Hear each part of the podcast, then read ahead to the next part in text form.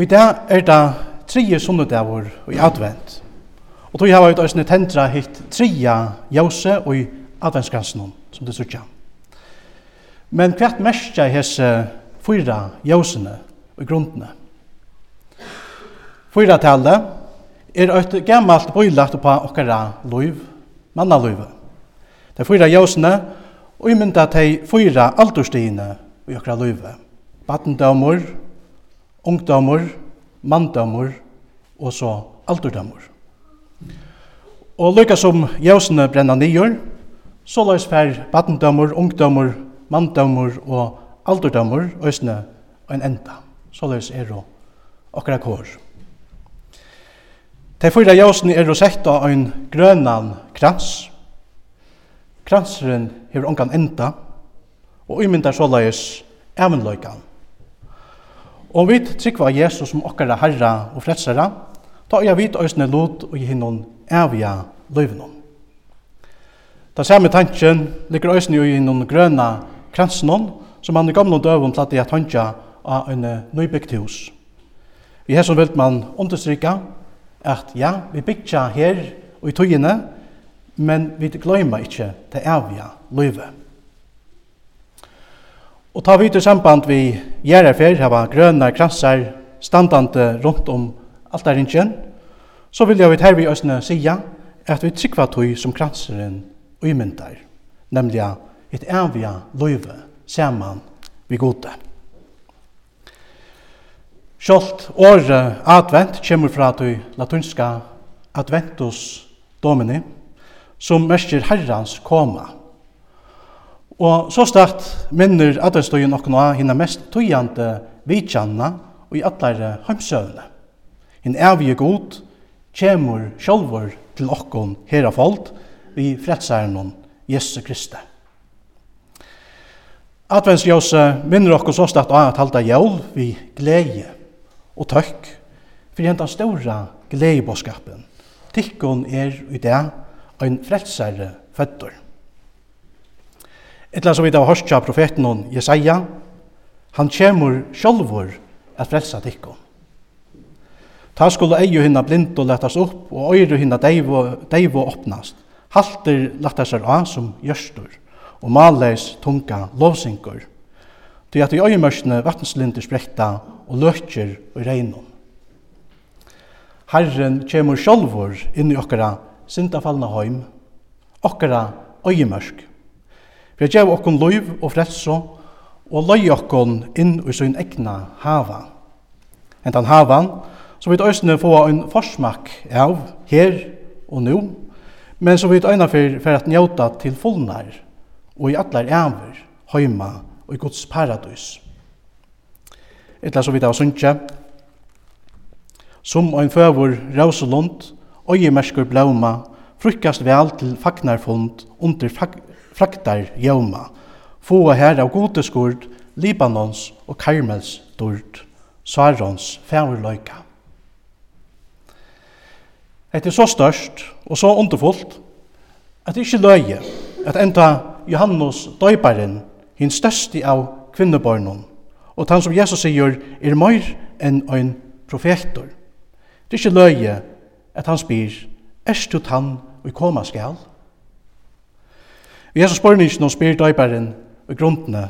Er du verlig hin lovaje Messias? Og lykka som Jesus trøsteie og visseie døyperen om at han verlig er tann og koma skal, så lans boar han òsne ta sema til okkon her og i det.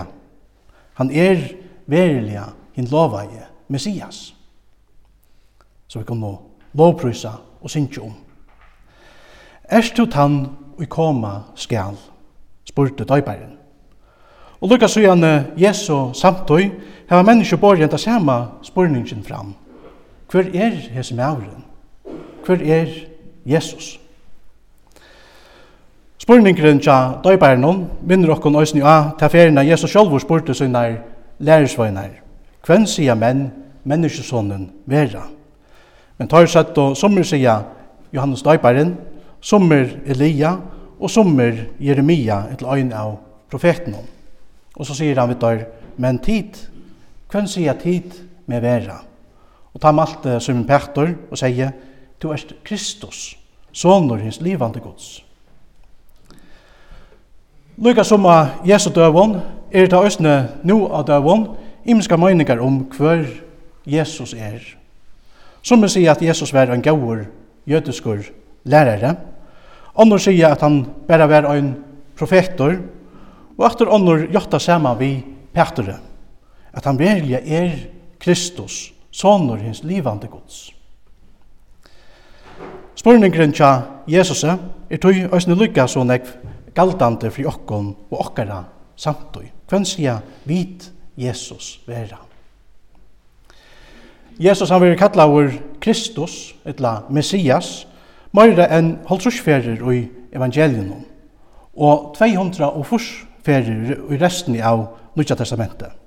Hesi årene er og grisk og hebraisk, men har kosten som og mersking, nemlig hin salvaje. Så Kristus og Messias mestir hin salvaje.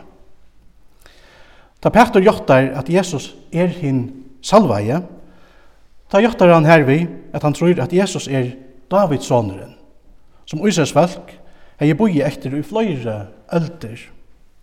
Og etter høysen ta samme som døybaren sipa i til vi hesne spurningsen som vi har hørst i det. Erst ut og i koma skal. Og etter høysen ta som Jesus vatta i fyrjonen.